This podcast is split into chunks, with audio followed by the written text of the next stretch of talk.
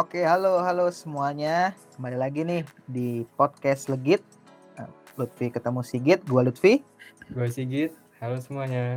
Halo semuanya. Senang sekali nih bisa ketemu lagi nih ya. Setelah vakum beberapa lama kita bisa berurutan nih tag podcast lagi nih ya. Be- Iya, episode berurutan. Oke. Cepet juga ini dapat bintang tamunya. Iya nih, biasanya mikir-mikir ya kalau yang mau ke kita tuh. Iya. Yang nih, Antara Cepet yang banget nih. sumber atau yang mikir kita nih sebenarnya. iya. Kira-kira siapa sih Git? narasumbernya? Penasaran gua. Gue sih bakal ini ya, masih kepo sama dunia manajerial, terutama menyambung Episode sebelumnya ya. episode sebelumnya terkait manajerial dan masih di dalam engineering juga. Ya, nanti kita bakal ngobrol sama kolega kita juga, Pi. Ya kan pasti lo kenal juga lah. Kenal. Jadi Ini nih orang nih udah keren banget lah pokoknya ya. Iya, betul. Loyal juga dan Iya. keren sih. Gua ngeliat dia tuh suka nge-share share kita bisa apa belajar ya. workshop workshop gitu. Nah itu juga bisa belajar dari dia gitu ya. Iya betul. Ya, gue punya tamu yang bernama Tri Ardini, seorang engineering manager. Lu kenal? Halo. Tri? Halo. Halo. Tri. Halo, halo, Tri. halo Lutfi Sigit. Nah Pagi. Pagi. Pagi. Oh, udah jadi ketahuan nih sini pagi ya. Kita, kita rekamannya pagi nih guys. Ceritanya ya guys. Iya, Oh, sorry, sorry. apa-apa, guys. Kalian boleh nyebut pagi ya? Kalian Nggak boleh Oh apa-apa. nggak apa-apa, nggak apa-apa, apa-apa. Nih, kok koreksi dikit ya. Kayaknya tadi yang dibilang Lutfi, eh, saya nggak salah keren itu kayaknya deh. Enggak. Tri ini keren banget kok, asli. Iya. Gue kadang suka ngeliat postingannya di LinkedIn, suka dia suka nge-share-share yang, maksudnya gue juga tahu, eh, baru tahu gitu ada hal-hal yang baru tahu saat itu juga gitu kayak ya mungkin workshop atau sekedar framework yang dipakai di, di dunia engineering gitu. Jadi suka share-share berita keren lah nih Tri ini. Mantap. Harus di follow berarti, Vi. Iya, follow dong LinkedIn-nya. follow. Iya. follow LinkedIn-nya, lagi. follow. Twitter-nya gitu. Apa kabar nih Tri? Alhamdulillah baik. Gimana nih Lutfi Baik, sama ya. Sigit kabarnya? Aman semua ya? Alhamdulillah baik, tuh Alhamdulillah aman baik. baik nih. Mantap. Oke, mungkin bisa langsung kita langsung aja ya ngobrol-ngobrol tentang Tri nih. Mungkin Boleh, boleh. dari Tri bisa kasih tahu nih backgroundnya sekarang nih eh, lagi kerja di mana, eh, lagi kerja sebagai apa, terus job desk sehari-harinya tuh kayak gimana gitu. Mungkin singkat aja biar teman-teman kenal semua nih. Oh, Oke. Oke, mungkin kenalin dulu nama saya Tri Ardini ya. Dipanggilnya Tri sih biasanya hari-hari. Sekarang lagi dapat tanggung jawab jadi engineering manager di satu startup crowdfunding di Jakarta. Day to day-nya kerjanya banyak kan ini sih strategikal gitu ya ngurusin roadmap squadnya mau gimana terus ngurusin people juga jadi ya intinya ngurusin orang sih banyak kan kalau mereka ada keluh kesah apa kita uh, usahain yang terbaik untuk dia gitu gitu sama nggak lupa juga tetap nambah porsi teknikalnya di secara pribadi ya biar tetap bisa up sama yang terjadi sekarang gitu.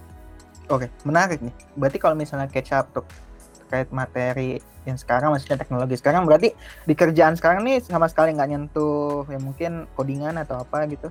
Benar-benar ngurus people aja ya gitu. Mas Eh, strategical. iya, kalau saya sih banyak kan people sih.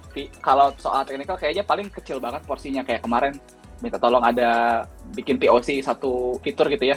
Nah itu karena engineering yang lain lagi pada full, jadi minta tolongnya ke IM gitu ya. Udah sambil sambil apa sambil disambi aja gitu bikin POC-nya gitu. Di luar itu ya Oh. belajar hal teknikalnya mandiri jadinya ngeluangin waktu Hmm. sendiri untuk baca artikel atau nyobain sesuatu yang baru. Oke, gitu sih. men. Jadi kayak manpower nih ya, mengalokasikan IC buat ngerjain project mungkin yang kalau misalnya satu penuh atau satu lagi kosong mungkin bisa dialokasiin ke yang kosong gitu kali ya. Oh. Ah, dilem- bisa bisa ditukar-tukar lah ibaratnya misalnya oh dia di sini lagi ada full ya udah uh, geser ke sini dulu deh gitu-gitu. Uh, Oke, mem- ininya.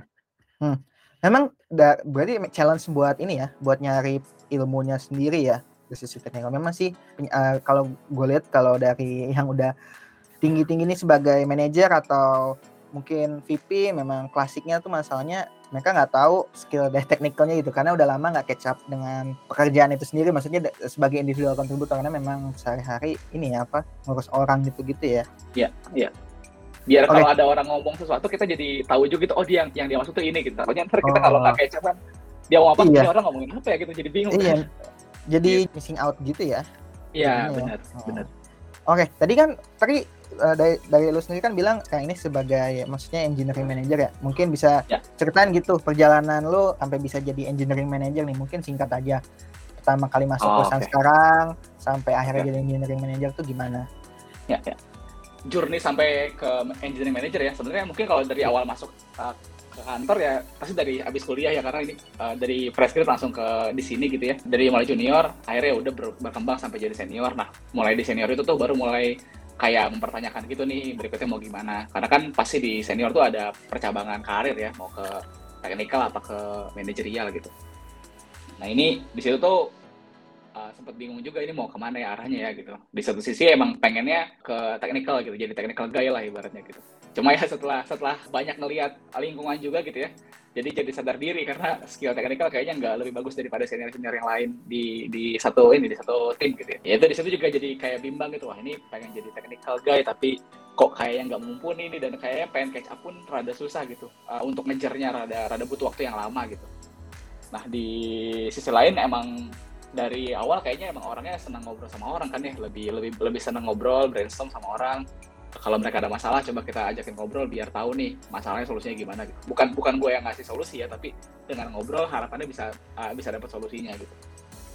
Nah setelah dari situ ya akhirnya disuruh disuruh mikir lagi tuh sama IM gue udah lu pikirin dulu deh mau maunya ke arah mana sudah dari lu gitu. Jangan sampai keputusan ini datang dari orang lain. Karena kenapa kayak gitu? Biar menghindari ini ya menempatkan orang di posisi yang salah gitu. Takutnya orang yang pengen teknikal banget dan emang skillnya di sana. Karena satu dan lain hal ditempatnya di manajerial akhirnya mungkin nggak nggak ini ya nggak fit dan dia struggle untuk bisa catch up dengan itu gitu dengan managerial things gitu. Nah itu akhirnya ya setelah mikir-mikir lama gitu akhirnya ya udah deh kita di set jadi kayaknya lebih lebih lebih ini jadi manajer deh gitu. Apa kayaknya lebih condong ke sana deh gitu akhirnya memutuskan untuk ke sana. Nah di situ setelah ngomong setelah ngomong dan ngedesain mau jadi manajer pengen jadi manajer tuh nggak bisa langsung jadi manajer gitu karena seperti yang diketahui mungkin managerial things itu nggak bisa didapat dari baca buku doang gitu ya harus langsung nyobain gitu lo nge-manage tim nge-manage sesuatu gitu nah di situ perlu wadah dulu kan. Ini gimana nih biar orang bisa nyobain role-nya tanpa tanpa kita promosiin ke manajer gitu. Biar ya kayak trial aja. Kalau misalnya uh, belum bisa ya udah ntar dulu. Lo siapin dulu semuanya baru mulai lagi gitu. Atau kalau udah goal ya udah kita kita jadiin manajer beneran gitu.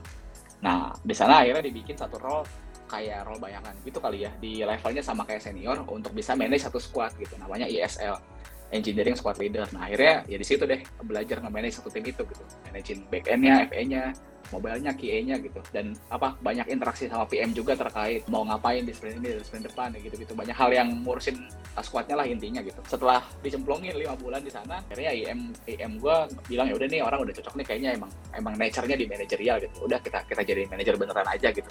Akhirnya ya di dipromosiin jadi manajer deh. Terus habis itu di ya menjalani jadi manajer selama uh, kurang lebih satu satu setengah tahun gitu ya satu tahun lima bulan habis itu ya kemarin kebetulan IM gue ada ada yang resign dan gue diminta tolong mau nggak nih gantiin ada kesempatannya lu mau nggak di challenge jadi IM gitu ya akhirnya ya udah oke deh gue cobain role-nya gitu dari mulai awal tahun kemarin ya akhirnya sampai sekarang sih jadi IM gitu Tadi Hmm. eh, Tri bilang kayak ada masa probation ya untuk untuk sebagai bayangan tuh Hmm. lima bulan ya. Hmm. Nah itu yang dinilai itu apa aja ya? Eh, dari yang nilai siapa dan yang dinilai itu apa aja sampai kayak oke nih orang ini fix bisa jadi kita promosin gitu. Nah pas masih bayangan gitu apakah gajinya udah sebagai, sebagai manajer atau ya udah stay eh, mungkin senior dulu sampai dia promosi baru kita naikin atau memang dari awal udah naik? Hmm, oke. Kalau yang nilai siapa, tentu direct report sama IM ya. Karena kan dulu uh, gua reportnya ke backend manager sama ada IM juga di, di squad itu. Jadi yang nilai mereka, karena mereka juga yang uh, gua sering curhatin soal uh, kondisi karir gua gitu. Nah di situ dinilai yang dinilai adalah uh, gimana gua ngebikin squad ini ya berkembang gitu. Nggak uh, karena di saat gua masuk ke squad itu emang ada beberapa hal yang perlu dibenerin sih dari segi workflow-nya, dari segi uh, ritme squadnya segala macam gitu. Itu itu yang yang apa yang perlu dibenerin dan uh, mereka juga uh, nilainya dari uh, gimana gue bisa ngebikin peer gue mungkin nyaman di squad itu gitu. Nah, uh, mereka nge, apa ngedapetin datanya dari ngobrol sama anak-anak yang lain gitu. Misalnya ini si Tri semenjak kerja di NSL, apa impact-nya ke lu gitu ya kayak gitu-gitu. Gue sih nggak tahu ya hasil hasil mereka ngomongnya seperti apa, cuma ya di apa rangkumannya mungkin dibikin ya udah ini orang oke nih jadi manajer gitu. Kayak gitu sih. Uh, terus kalau misalnya benefit sendiri uh, sebenarnya belum belum di berubah. Jadi ya kalau misalnya lo nyobain role, kan namanya juga nyobain ya, uh, nyobain role sebagai manajer gitu, biar dapat pengalaman sebagai manajer. Ya jadi uh, benefitnya as is sebagai senior gitu, nggak nggak berubah sebagai manajer. Pas udah jadi manajer beneran, baru tuh ada adjustment gitu-gitu. Oh, oke. Oke oke oke. Berarti ada peer review dari apa kayak istilahnya anak buah lo ya gitu ya buat Iya. sebelum sebelum oh, sebagai bahan penilaian sebelum lo Iya, iya. dilanjutin jadi beneran IM gitu. Ada challenge sih Tri eh, buat apa namanya ketika pas pertama kali nyoba nih di, di bayangan gitu jadi jadi apa Hmm. IM bayangan gitu. Ada challenge Iya, nggak? Challenge-nya kayak gimana gimana cara lo buat ngehandle itu gitu. Oke, challenges uh, sebenarnya lumayan kerasa ya. Uh, pertama karena uh, gue bener-bener baru di squad itu. Jadi kan gue ketika jadi S1 dicemplungin ke squad baru. Biar ya udah, kalau misalnya gue dijadiin di SL squad yang sekarang kan gue udah tahu orang-orangnya nih, jadi pasti akan lebih gampang gitu. Nggak, nggak, ibaratnya gue nggak berubah dan nggak berkembang lah. Makanya gue dicemplungin ke squad yang lain, ke squad yang bener-bener baru yang gue nggak tahu uh, mereka tuh gimana orang-orangnya gitu. Uh, ketika masuk itu uh, ternyata 80% tuh kalau nggak salah dia semuanya angkatan corona. Jadi baru masuk setelah kita work from home gitu. Oh. WFH. Jadi kan belum pernah ketemu secara langsung gitu ya. Jadi uh, itu challenge-nya gimana ngebondingin anak-anak yang uh, secara nggak langsung kita belum pernah ketemu orangnya gitu, baru-baru ketemu di meeting doang, di di Zoom doang gitu. Uh, di situ terus uh, kedua soal teknikal juga lumayan kerasa tuh karena uh, sebelumnya kan gue di squad obstacle ya, yang ngurusinnya banyak kan ngurusin uh, project legacy-nya, legacy-nya kita bisa gitu. Jadi ya banyak kan ngurusin itunya, ngurusin teknikal apa ya repo-repo yang legacy lah ibaratnya. Nah setelah pindah ke squad baru itu mulai itu ke kerasa karena udah mulai pakai bahasa pemrograman baru, struktur yang baru, uh, segala macamnya gitu. Jadi ya uh, lumayan uh, challenging juga untuk bisa catch up dengan itu gitu. Berikutnya paling ya yang yang challenge-nya manajemen konflik kali ya. Karena kan pasti nggak mungkin di satu squad nggak ada konflik ya antara internalnya. Di situ pasti ada. Nah itu gimana caranya kita bisa nge apa bisa coba nengahin konfliknya sih kayak gitu sih. Mungkin cara cara yang pertama biar gue bisa bisa gampang bondingnya ya. Uh, entah kenapa kayaknya squadnya juga suportif gitu ketika ketika gue masuk terus gue ngeliat orangnya kayaknya ini kayak orang yang lawak-lawak deh gitu ya udah akhirnya gue coba jadi orang yang sering uh, ngelempar-lempar jokes aja gitu ke mereka ketika lagi daily. Nah itu alhamdulillahnya bekerja dengan baik. Mereka juga akhirnya ikutan mainan gitu, sering ngelempar-lempar jokes. Jadi lebih ya udah lebih jadi lebih blending aja di situ. Kalau misalnya daily pasti rame ketika karena ada udah udah selesai update nih, nggak pada langsung cabut. Kita ngobrol-ngobrol dulu ada sekitar setengah jam gitu ngobrol ngelempar-lempar jokes atau ngapain gitu. Gitu gitu. Dan ketika ada hangout squad pun gitu, jadi kontennya dibikin sefun mungkin biar kita tahu gitu oh ya ini orang senangnya kayak gini orang senang kayak gini gitu gitu jadi ya banyak kan gue mencoba untuk uh, nggak tahu ya kayaknya gue selalu berhasil blending di suatu tempat dengan cara ngejokes deh nggak tahu kenapa mungkin itu emang cara yang bagus kali ya untuk bisa blending nggak tahu ya kalau sama orang yang lain tapi sepengalaman gue sampai sekarang kayaknya itu jadi jadi satu senjata yang lumayan ampuh deh untuk bisa cepet blending bareng mereka I Gitu. Jokes jokes lu tuh gimana sih? Tri? Hapus ini hapus hapus repo terus di ini apa gimana? enggak enggak itu itu keterlaluan kayaknya kalau kayak gitu gue langsung dikeluarin kayak ya jokes jokes receh aja pak kayak jokes jokes misalnya ada ya nemu di internet dilempar aja kalau misalnya nggak lucu ya udah maafin gitu jadi seringnya kalau misalnya ngelempar pada diem tuh nggak ketawa ya udah maafin ya guys ini masih nyoba nyoba gitu gitu ntar kalau misalnya ketawa baru oh ya oke alhamdulillah berhasil lah gitu gitu Yes, Gitu-gitu berhasil lah. jokes gua kali ini. iya Iya. ya gitu gitu lah Oke. Ada tambahan tidak sedikit? Cukup sih. Em, ada lagi nggak sih? Nggak ada ya? Ih, garing banget. Eh, lanjut. Kok jadi ngelempar jokes? Oke. em, kita lanjut ke topik selanjutnya. Tadi Boleh. Tri udah ngobrol, ngobrolin juga kalau misalkan hari-hariannya akan banyak berhubungan dengan eh, orang atau tim member. Nah, pasti kan juga pernah dong eh, dengar istilahnya one on one kan gitu ya. Nah, menurut Tri sendiri one on one itu apa sih? Terus ngapain sih one on one itu biasanya gitu? Hmm, oke. One on one itu apa? Eh, sebenarnya kalau arti arti dengan detailnya kurang tahu juga ya. Tapi kalau one on one itu gue nilainya kayak udah sesi privat aja untuk ngobrol sama engineer gitu. Di sesi itu kan tertutup ya, cuma kita sama engineer doang berdua. Jadi harapannya bisa sharing apa pun yang diresahkan gitu. Baik dari manajernya ke engineer maupun sebaliknya. Misalnya eh, manajernya ada concern nih ke engineernya. Oh ya lu tuh gini gini gini ya udah disampaikan di situ gitu. Begitupun web ah, engineernya kalau engineernya ngerasa ah lu jadi ya nggak bener lu ya disampaikan di situ juga biar ah, sama-sama saling ngoreksi gitu kayak judge nih ya. gitu. Enggak ya itu kita kita kasih disclaimer kalau ini ya udah lu mau just gue segimana pun ya nggak apa kalau emang itu terbukti bener ya ya harus admit dong kalau misalnya emang salah gitu. Jangan sampai kita mentang-mentang kita levelnya lebih tinggi kita kayak defensif. Enggak kok gue nggak kayak gitu. Itu sangat dihindari sih harusnya. Jadi kita se-open se-open itu gitu. Ya udah lu omongin aja apa yang menurut lu gue salah. Kalau misalnya gue punya punya punya misalnya gue punya argumentasi akan gue akan gue challenge gitu. Kalau misalnya nggak ada ya udah emang gua gua akui aja kalau itu kalau itu salah gitu di gua gitu. Oke. Menarik. Terus kalau misalkan siapa ya, misalkan ditanya siapa, siapa sih sebenarnya yang harus nyelenggarain inisiatif one on one itu? Tadi kan ada dua pihak kan, antara manajer Mm-mm. dan member. Siapa yang Oh, harusnya oke. berinisiatif menurut Tri? Oke, kalau menurut gua, ini pengalaman gua juga ya, berdasarkan pengalaman gua. Kalau gua sih Iya. selalu nge-setup one on one per bulan sek- sekali sih sama sama engineer-nya ya. Jadi sama yang Oke. yang reportingnya ke gua tuh, gua jadwalin rutin tuh tiap bulan. Misalnya di awal bulan eh, tanggal satu nih sama siapa, tanggal 2 sama siapa gitu. Itu yang yang wajibnya ibaratnya. Dan Oke. eh, di, di luar itu kalau misalnya engineer-nya ada satu yang pengen diutarain di tengah-tengah gitu ya sebelum masuk uh, one on one berikutnya, bisa di tengah bulan atau mungkin baru baru seminggu setelah one on one sebelumnya ada yang pengen di concern ada yang pengen disampaikan gitu ada yang pengen dikeluh kesahkan ya di tinggal DM aja misalnya Mas atau atau Tri gitu. Ngobrol yuk gue ada pengen ngobrol ini kayak gue ada resah soal ini gitu. Ya udah ayo kita ngobrol gitu. Kalau gue lagi ada waktu kita bisa saat itu juga. Kalau nggak paling gue coba minta tolong "Ah, oke ah, paling invite kalender aja ya gue kayaknya hari ini lagi lagi penuh nih gitu. Jadi kita kita setup ah, waktunya biar bisa ngobrolin itu gitu. Jadi di luar yang rutin per bulan gue sih pribadi open aja kalau mau diskusi kapan pun gitu sama sama engineer-nya. Berarti secara teknikal lu tuh ngeagendain di kalender lu uh, mungkin bikin invitation kayak one month satu bulan sekali untuk si A gitu ya. Ntar dia repeat terus di bulan selanjutnya gitu nggak Mm-mm. secara teknikal? iya Oke. benar Kalau misalkan kejadiannya anggapnya lu lagi cuti gitu, biasanya lu punya gimana tuh? Anggapnya mendadak lu harus cuti dalam waktu tertentu di awal bulan dan itu kan harusnya Oh, jadwal lu kan yang lu Iya, yang iya. inisiatif. Itu gimana biasanya?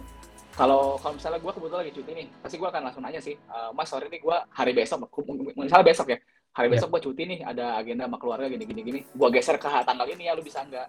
Kalau saya bilang gue nggak bisa nih gue bisa tanggal segini. Ya udah tanggalnya lu bisa aja tanggal berapa gue gue open gitu. Jadi kayak nego aja bisanya kapan kalau misalnya emang berhalangan. Begitupun kalau mereka yang berhalangan ya misalnya eh, mereka benar cuti nih misalnya harus ketemu orang tua harus atau harus wisuda atau apa dia pasti ngabarin gue tri atau mas ini gue tanggal segini waktu one one kita gue ada agenda nih yang nggak bisa ditinggal Uh, boleh digeser nggak? Gue bilang, oke geser aja. Mau apa? Kalau gue sih kosongnya segini segini, segini. kalau lu gimana? Oke, tanggalnya tanggal segini, oh, tanggal tang- tanggal 10 misalnya. Udah tanggal 10 deh mas. Oke, udah ntar gue kalendernya gue geser ke tanggal 10. Gitu.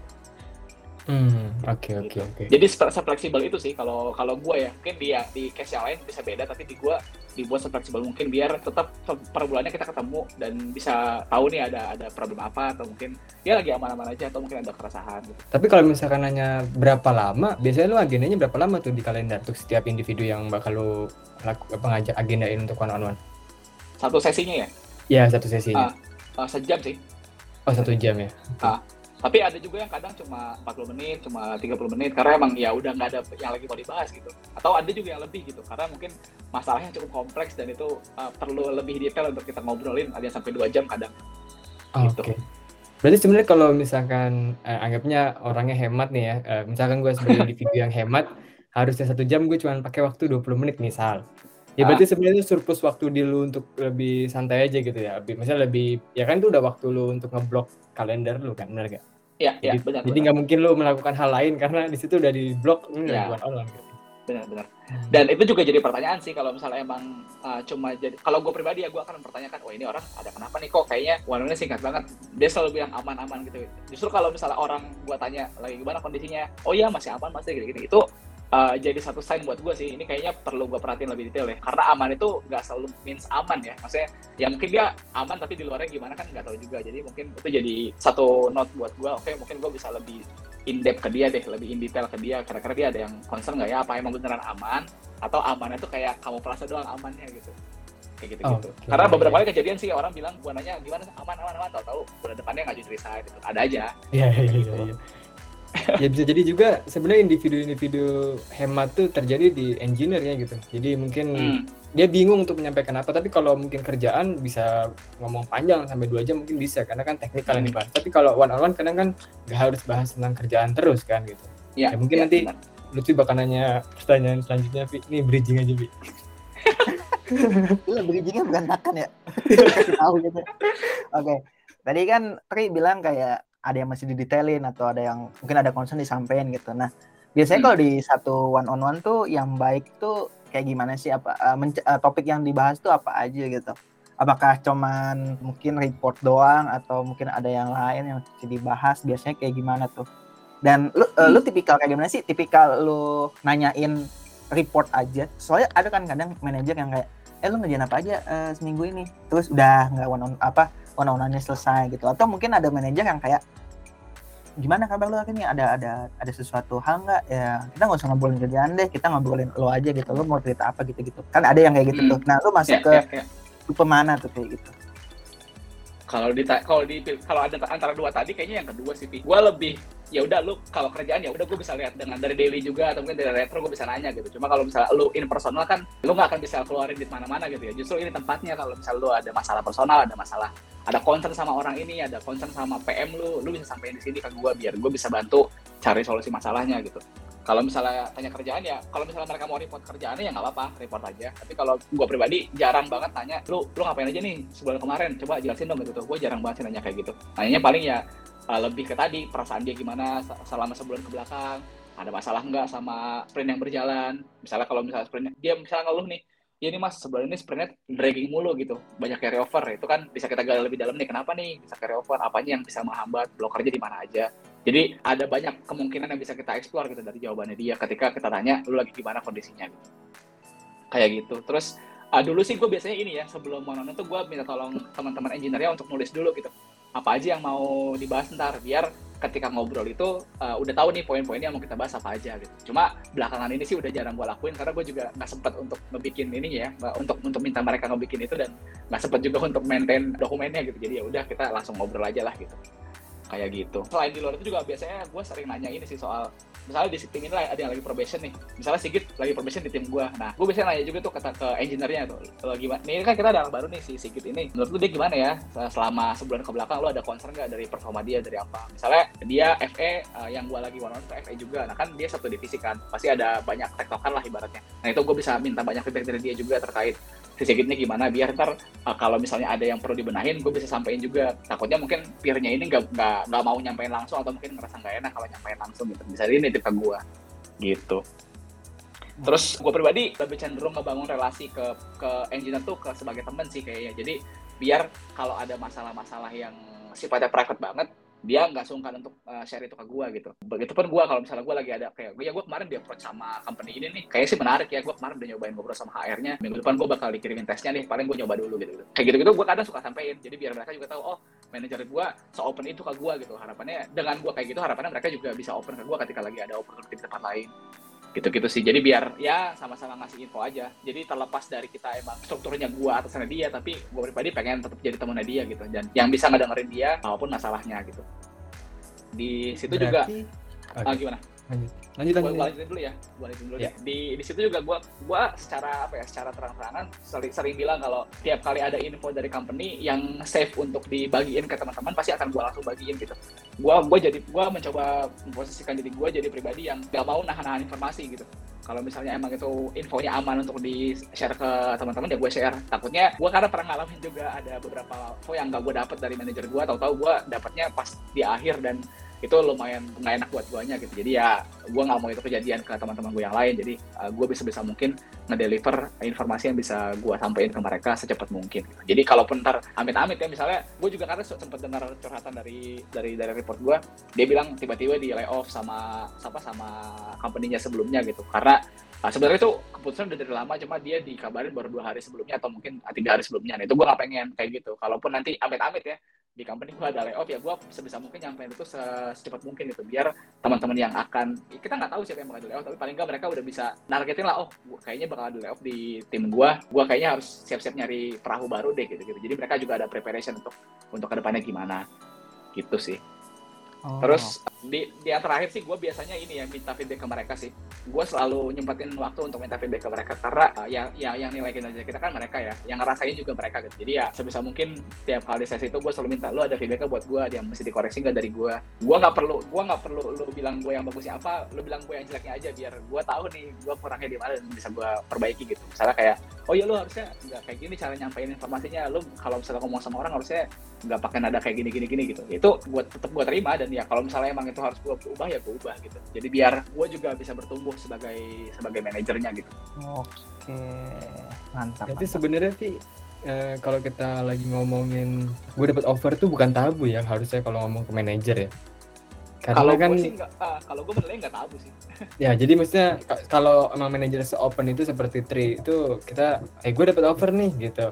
Yang ngomong-ngomong aja dapat offer atau gue di reach out gitu dan lain-lain itu sebenarnya nggak masalah kan. Karena kan Nah, bagi kalau- orang bingung mau ngomongin apa, takutnya pas ngomong kayak gitu, ah, lu mau cabut ya malah dijadiin Iya. ini ya apa namanya sasaran buat nanti Iya, iya, dia ya malah, Malah di-judge ya? apa. Ya dijudge gitu kan. Kalau kalau gue sih nilainya ini ya biar kalau misalnya oh gue dapat offer dari sini naiknya sekian persen gitu. Nah, ya itu jadi jadi justru jadi bahan gue untuk nanya oh, oh, lu uh, lagi nyobain di tempat itu ya? Nah, kira-kira kenapa ya? Ada ada apakah ada sesuatu yang kurang dari sini gitu? Jadi kan kalau misalnya dia bisa ngasih tahu oh iya soalnya di sini tuh uh, timnya kurang asik GM-nya kayak lu nggak asik gitu gitu ya itu jadi jadi apa?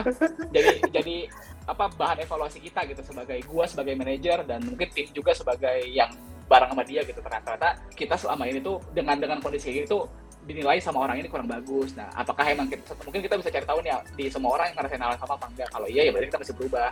Kalau enggak ya gimana caranya kita menyesuaikan diri aja sama kondisi timnya sekarang. Gitu sih. Jadi mungkin itu jadi bisa jadi bahan evaluasi sih sebenarnya ya. Hmm. Kalau apa? Tadi kan emang iya sih kalau mis kadang ada uh, individual kontributor ya IC yang mungkin segan ngobrolin tentang hijack hijack gitu. Itu yang paling enak ya dari kita saling kayak teman aja benar kata Tri. Uh, ya lu kalau misalnya ada sesuatu apa pun itu bisa cerita aja meskipun itu tawaran dari kantor lain biar bisa kita bahas bareng-bareng gitu. tapi pernah ada kejadian nggak sih Tri? Kayak misalnya nih lu lagi one on one terus dari dia ya mungkin lempeng-lempeng aja gitu oke oke aja nih oke oke aja. Tapi lu udah nggak kabar nggak enak dari orang lain gitu mungkin temennya dia gitu yang yang yang yang harusnya one on one lu tahu itu dari dia tapi lu tahu dari orang lain gitu. Pernah nggak sih ada kejadian kayak gitu? Dan gimana lu cara uh, handle nya gitu kalau misalnya ada Ntar gue ingat dulu ya, pernah nggak ya? Kayaknya sih belum pernah sih kayaknya kalau di case gue ya. Cuma di case yang lain mungkin ada. Di case teman apa manajer yang lain di tempat gue juga kayaknya ada sih. Cuma ya paling kalau kalau dari gue mungkin gue juga udah kebayang kalau misalnya terjadi ke gue, uh, ya pasti gue akan langsung reach out ke dia aja sih. Bro, gue sorry nih ngobrol yuk gitu. Gue tadi nggak sengaja ngobrol sama si X nih dapat apa dapat info kalau gini gini gini. Kita ngobrol yuk kira-kira kenapa nih kok nggak langsung disampaikan apakah segan apa gimana gitu. Ya itu jadi yang penting kalau gue pribadi pasti yang paling gue ke depannya itu pendekatannya personal. Jadi kalau misalnya ada masalah apa ya kita ngobrol uh, one on one aja berdua gitu. Jadi biar kita uh, clarify di sana bareng-bareng gitu. masalahnya seperti apa gitu. Oh. mungkin karena tadi karena tadi pendekatan gue sebagai temen ya jadi kayaknya nggak ada yang sampai kayak gitu ngomonginnya di tempat apa di orang lain sampai nyampe ke gue lewat orang lain itu kayak belum pernah deh. Mudah-mudahan sih nggak ada ya Iya, mungkin kayak males gue ngomong sama IM-nya nih, IM-nya nggak asik seperti kata lu bilang tadi.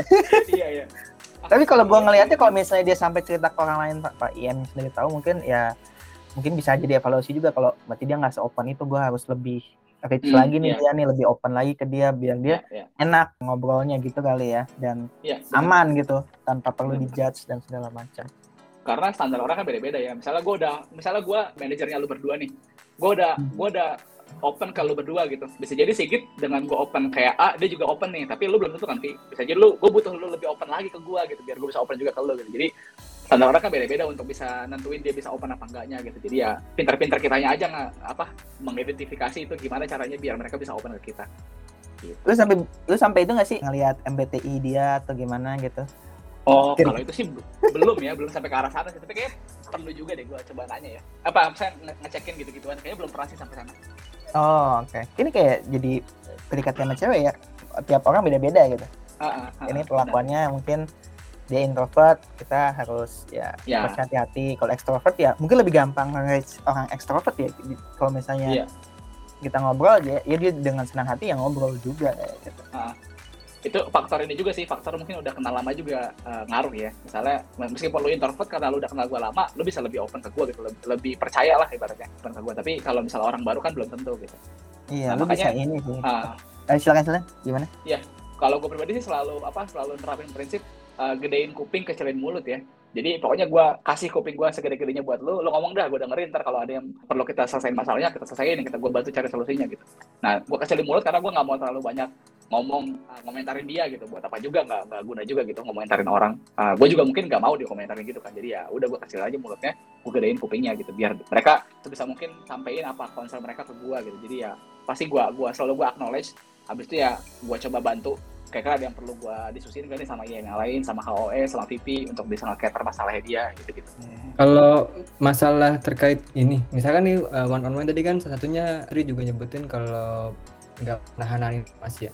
Nah kalau kayak layoff gitu mungkin udah common tuh. Sebenarnya yang baik itu ya emang disampaikan jauh-jauh hari gitu kan biar nggak kaget Hmm, hmm. hamin dua hamin sejam kan serem. Nah kalau yang kayak perubahan ini apa namanya perubahan struktur nih biasanya kan terjadi uh, head of uh, engineering atau apa pun di level manajerial lebih atas atau lebih apa sih level atau VP gitu kan misalkan cabut gitu ya itu apakah akan disampaikan juga? Eh, atau sebenarnya bagaimana sih cara IM menyampaikan perubahan-perubahan yang terkait struktur gitu?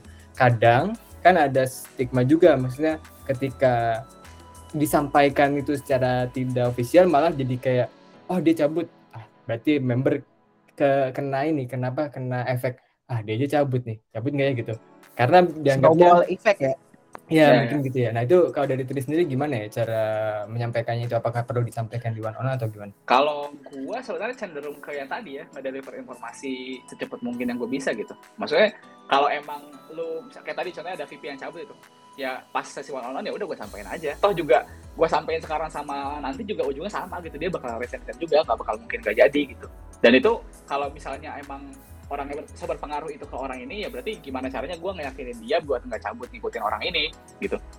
Maksudnya ya eh, kita nggak usah nggak usah panik nih meskipun VP kita cabut masih ada HOE kok yang bisa ngebantu ngebantu kita eh, aspirasi kita biar didengar ke atas gitu kayak gitu gitu jadi eh, itu justru jadi challenge ke kita biar eh, gimana caranya maintain orang-orang yang ke-trigger ketika ada VP atau head atau yang lain-lain yang level tingginya pada cabut gitu. Hmm. karena gue pribadi percaya tadi kalau misalnya gue bisa nge-deliver informasi secepat mungkin yang gue bisa mereka akan trust ke gue gitu uh, engineer-nya akan, akan percaya sama gue oh iya si mas ini selalu nginfoin kok kalau ada satu perubahan di sini sini sini jadi gue bisa percaya sama dia nih gitu bisa bergantung sama dia gitu gitu karena itu yang penting kan kalau lu dipercaya sama engineer pasti lu bisa enak tuh ngejalin komunikasinya mereka ada apa-apa lu bisa gampang cerita gitu gitu sih Oke, itu kalau misalkan kondisinya eh, apa namanya inisiatif dari seorang manajer. Bagaimana kalau Hmm. misalkan dari sisi individu itu bertanya, apakah kemungkinan ada perubahan struktur nggak nih deket-deket ini? Itu wajar nggak kalau ditanyain dari seorang individu ke manajer saat one on one? sebenarnya kalau kalau gue ngerasa sih wajar aja karena mungkin dia penasaran aja Uh, misalnya Betul. kondisi sekarang nih ekonomi kan lagi lagi gonjang ganjing lah ya ibaratnya ya sekarang ini Iya. kan lagi lagi winter is coming lah ibaratnya kira-kira bakal ada gimana nih company nih Ya, itu wajar banget menurut gue tentu se- seseorang kan kerja di satu perusahaan juga pengen tahu nih kondisi perusahaan seperti apa ke depannya bakalan gimana gitu ya pertanyaan itu jadi wajar karena ya ya dia tentu mikirin kondisi dia dong gua gua bakal gimana di, di perusahaan ini kalau misalnya ntar uh, ternyata goyang nih company-nya gitu-gitu. Makanya pertanyaan perubahan struktur segala macam menurut gue masih wajar dan tinggal gimana manajernya nih kalau misalnya emang ada info terkait itu ya disampaikan. Kalau misalnya nggak ada ya bilang aja. Kalau soal struktur gue kayaknya belum belum belum bisa ngasih feedback nih, belum bisa ngasih jawaban karena gue juga belum tahu. Mungkin di sisi berikutnya atau nanti setelah ada info yang gue dapat, gue akan secepatnya ngabarin lo gitu. Kalau gue sih begitu ya pasti. Jadi kalau emang gue belum tahu apa sih gue bilang gue belum tahu dan nanti akan coba cari tahu gitu. Sehabis ini bakal ada lanjutan part 2-nya loh. Tungguin ya.